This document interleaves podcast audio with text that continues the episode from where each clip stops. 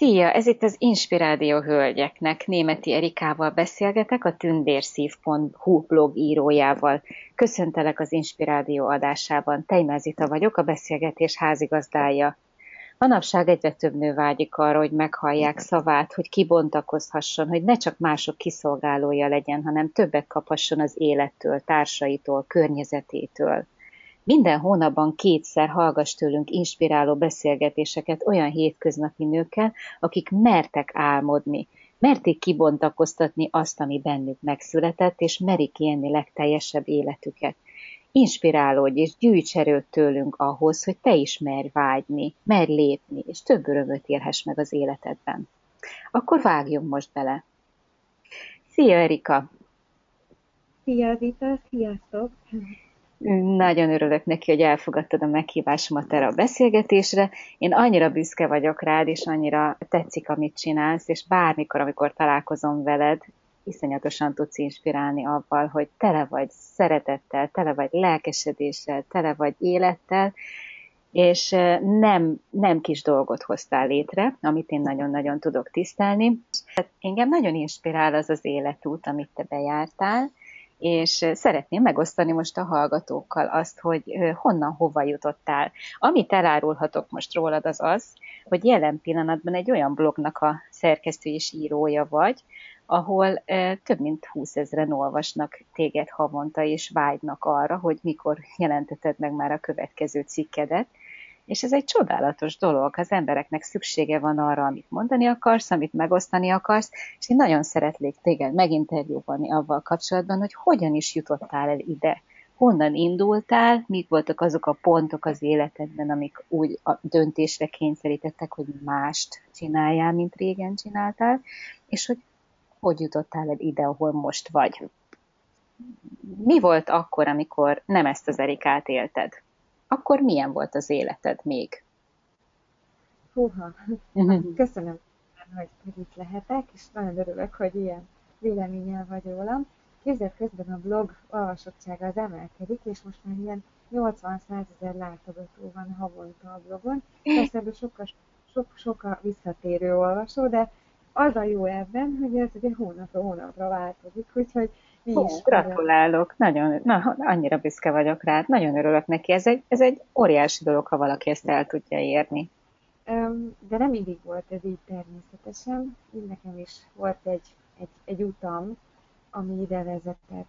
Van egy olyan szerencsés személyiségem, ami, ami abban a szempontból szerencsés, hogy, hogy bár nagyon könnyen tudok alkalmazkodni, és nagyon nyitott vagyok, ez gyerekkorom óta így van, mindig megengedem az embereknek körülöttem is, hogy olyanok legyenek, amilyenek, és megengedem magamnak is azt, hogy, hogy a dolgok bármikor változhassanak. Hát lehet, hogy tegnap gondoltam valamiről valamit, de megengedem magamnak, hogy ma már másképp legyen.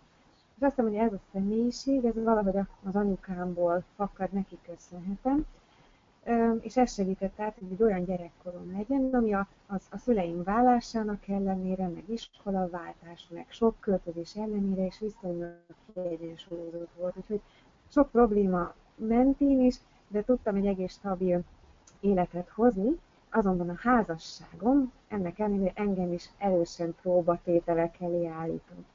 Azt a programot, amit a nők zöme hoz, gyerekkorától magával, amit a társadalom súlykor belénk, azt ugyanis én is belevittem a házasságomba, és felvállaltam egy olyan női szerepet a férjem mellett, ami nagyon-nagyon tökéletesen néz ki kívülről, mert hogy nagyon illeszkedik a társadalmi elvárásokhoz, de bennem, mint abban a nőben, aki ezt éli, rettenetesen sok rossz érzés, frusztrációt és boldogtalanságot hozott ez a program...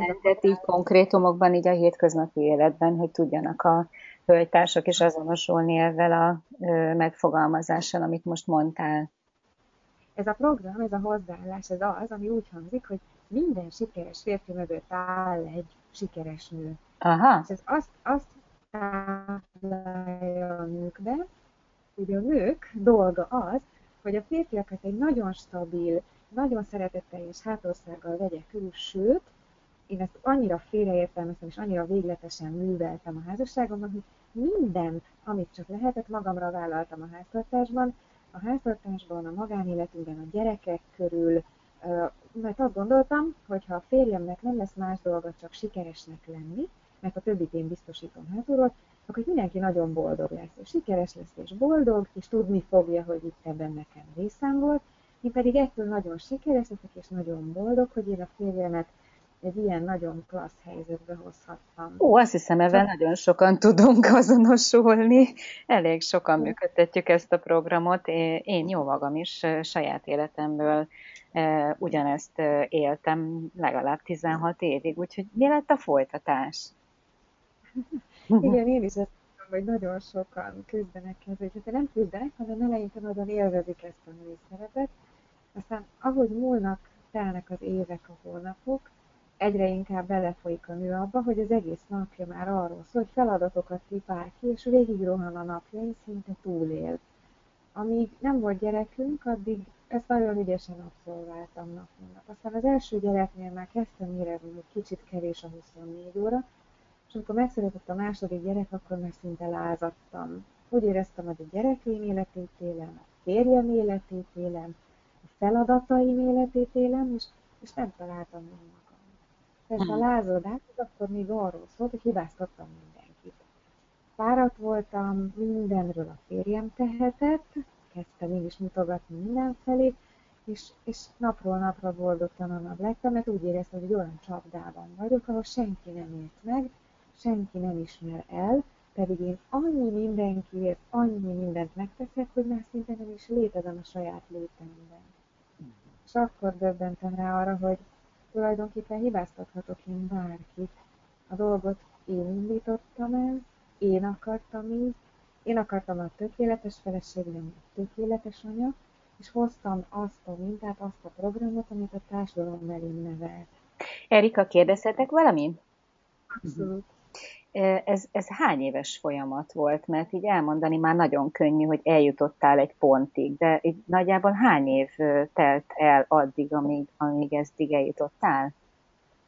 Hát a 14 év kapcsolatból, amit a férjem mellett éltem, az utolsó 5 év már azzal telt, hogy, hogy én próbálok magamra találni, és az utolsó 5 évből talán az utolsó kettő volt az, amikor már tisztában voltam vele, hogy ezt én rontottam el. Tehát hiába vártam én már utána elismerést a férjemtől, meg változást, ő nem értette. Ha 13 évig minden jó volt úgy, ahogy én akartam, hogy én akarok mindent az ő feneke alá tenni, akkor most mit lázadok? Nem értem. Tulajdonképpen három év volt az, amikor, amikor nekem leesett a tantusz. A lázadástól odáig, hogy, hogy leesik a tantusz, hogy hát úristen, hát ezt mindet én akartam így, ez az én programom volt. Ez az én akaratom szerint történt így, és mindenki tehát a férjem és a házasságomnak áldozata lett. Persze más dolgok is közrejátszottak ahhoz, hogy mi végül úgy döntöttünk, hogy nagy szeretetben és békében, de ezt a házasság meg életközösséget megszüntetjük, és külön utakra megyünk. És még így is, hogy ráismertem, hogy az én, én hibáim is jelentősen benne voltak a pakliban, így is azt gondolom, hogy az egyik legklasszabb döntése volt az életemnek az, hogy végül elváltunk. És ezt mindezt milyen kicsi gyermekekkel lépted meg? Hát, a kisebbik akkor volt középső csoportos, az óvodában, a nagyobbik pedig épp akkor ment elsőbe, amikor mi külön költöztünk. Uh-huh. A legnagyobb feladatomnak azt tartottam, hogy a, hogy a gyerekek számára mindent a lehető legkisebb változással tudjak lebonyolítani. Tehát mi nem mutogattunk egymásra, utána már férjemmel együttműködésben voltunk, elköltöztünk ugyan, de a költözést, a bútorokat, a napi rutint, azt megpróbáltam megtartani abban a ritmusban, ahogyan addig éltek a gyerekek. Én nem titkoltam a gyerekek elő, ha rossz paszban voltam. Ma sem szoktam elvitni. Nem hazudok jó kedvet, ha nincs.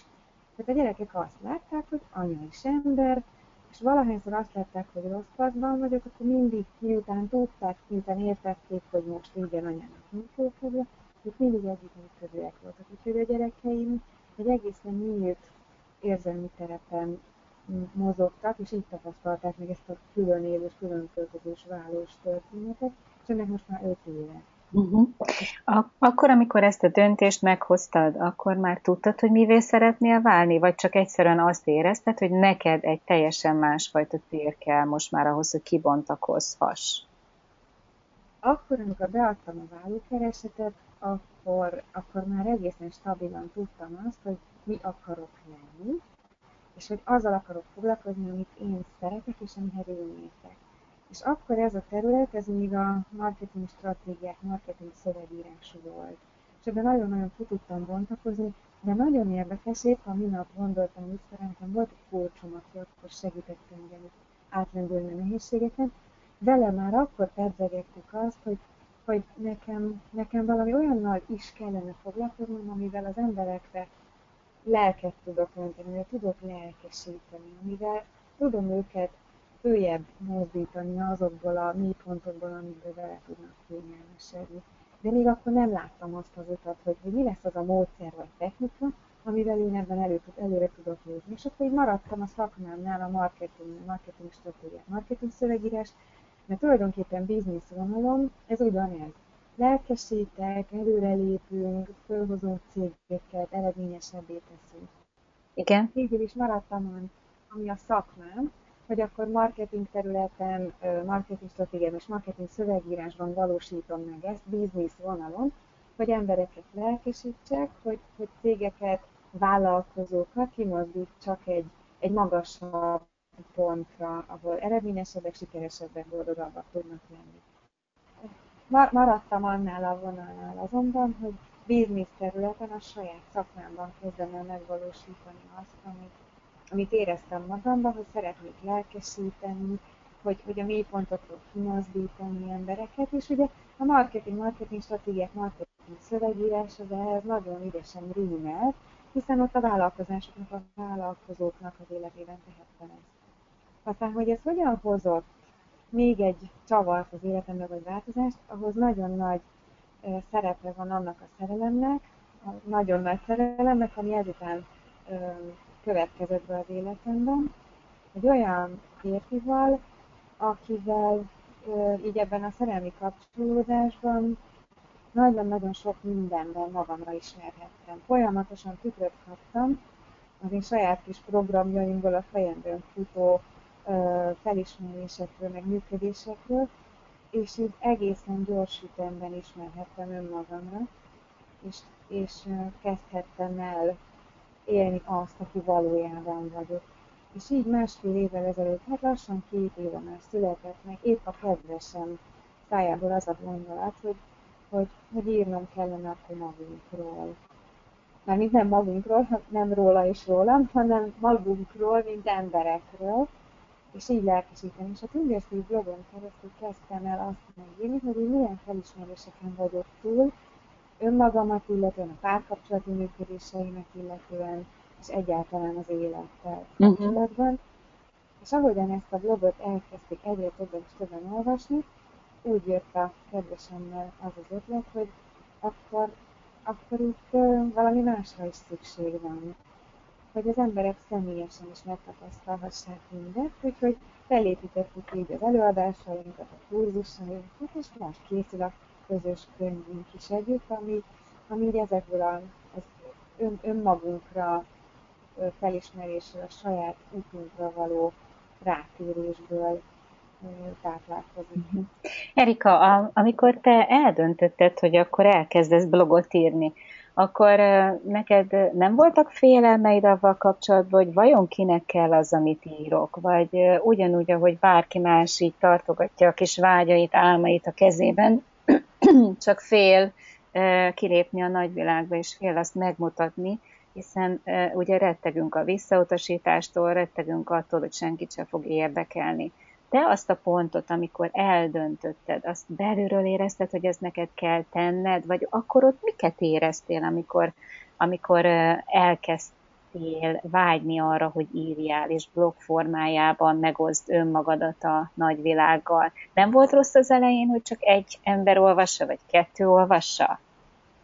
Nem, az volt a nagyon érdekes, hogy egyáltalán nem fordult meg a fejemben az, hogy, hogy ennek tétje van én egész egyszerűen azért kezdtem el írni, mert én akartam írni. Egy, egy, egy első hang hogy úgy lett az elszabadult erdőtűnőnek tündészép.hu a, a, a neve is, hogy egyáltalán nem volt bennem az a, az az elképzelés, nem voltak tervek ehhez, hogy ebből majd aztán valami nagy kinövi magát. Én egészen egyszerűen csak, csak írni akartam magunkról, magamról. Én azt, úgy gondolkodtam ugyanis, hogy azt szeretném csinálni, amit szeretek csinálni. És elkezdtem csinálni azt, amit szeretek. És legnagyobb döbbenetünkre, hát mindentől érdekes a történet, hogy eltelt másfél hónap, ahogy írni kezdtem ezt a blogot, és ha már egyszer marketing szakember vagyok, bekapcsoltam a, a blog mögé a Google különböző analitikai ö, szoftvereit, és a Google Analytics statisztikákból megdöbbenni tapasztaltam, hogy másfél hónap után már több mint tízezren olvasnak. Akkor jött az, az, az első döbbenet, hogy Úristen, akkor, akkor ez tetszik az embereknek, akkor arra lehet, hogy föl lehetne építeni valamit. De mindeddig egyszerűen nem volt benne tét, nem volt benne terv, nem volt benne semmi, csak az, amit én szeretek csinálni. Amit szeretek, és amihez úgy gondolom, amit értek. Hmm. És innentől került bele tulajdonképpen stratégia, de még stratégiának sem mondanám, hanem egyszerűen jöttek maguktól a következő lépések, hogy akkor csináljunk egy kurzust arról, ami, ami az én utam volt, az én felismerés. Az is megtelt. Akkor csináljunk előadásokat, és közben egyre több és több lett az olvasó, és most tartunk ott, hogy ilyen 80 ezer látogató van a blog oldalán, én ontom magamból az írásokat, rettenetesen sok ötletem van, hogy merre menjünk, hogyan lépünk tovább, de ez így indult, hogy amit szeretek csinálni, hmm. nem azt fontolgattam, hogy mit szeretnék. Nem kívül kerestem, de amikor azt kérdezzük, hogy mit szeretnék csinálni, te ezt kérdezed magadtól, akkor olyan, mintha kitennéd a fókusz, kívül keresel. Én azt a kérdést tettem, hogy mit szeretek csinálni. És ez valóban belülről jön, amikor azt mondod, hogy mit szeretek. És hmm. másnak is tanácsolom, hogyha keresi a saját útját, akkor ne az legyen a kérdés, hogy mit szeretnék csinálni majd, hanem azt fontolod, azt tegyük fontolóra, hogy mi az, ami ott van belül, amit eddig is szerettem, ami örömet ad. És hogyha azon az úton elindulunk, ami örömet ad, abból fantasztikus dolgok tudják magukat kiforni. Most már így én is látom. Hát Erika, nem véletlenül interjú voltalak te, téged ma meg, hiszen te egyik példája vagy annak, és büszkesége vagy annak, amit a Femin Akadémia is hirdet, és ami, amiért nagyon fontos küldetésnek tart, hogy segítsen a nőknek abban, hogy merjenek vágyni, merjenek kapcsolódni önmagukhoz, és merjék megfogalmazni azt, hogy mire vágynak, merjenek lépni, és merjék megélni ennek az örömeit és mindegy, hogy milyen nagy dologról vagy kis dologról van szó. Kezdhetünk a legkisebb dolgokkal. Merjek vágyni több figyelemre, merjek vágyni több kedvességre, szeretetre a páromtól, merjek vágyni több intimitásra, vagy merjek vágyni több, vagy jobb kapcsolatra a gyerekemmel, és ne hagyjam, hogy elmenjen az élet úgy, hogy nem is ismerem a saját gyermekemet. Annyiféle dologra lehet vágyni, és nem véletlen interjú voltalak téged meg elsőnek az Inspirádióban, hiszen imádom azt az utat, amit bejártál, imádom azt az egyéniséget, ami benned van, és imádom azt a természetességet, ahogyan te fölvállalod önmagad, ahogy árad belőled az, amit nap mint nap tanítasz. Úgyhogy én erre szeretnék inspirálni minden höltársunkat, hogy mindegy, hogy mekkora az, amire vágyik, csak merj vágyni, tegyél érte, és éld meg az örömeit.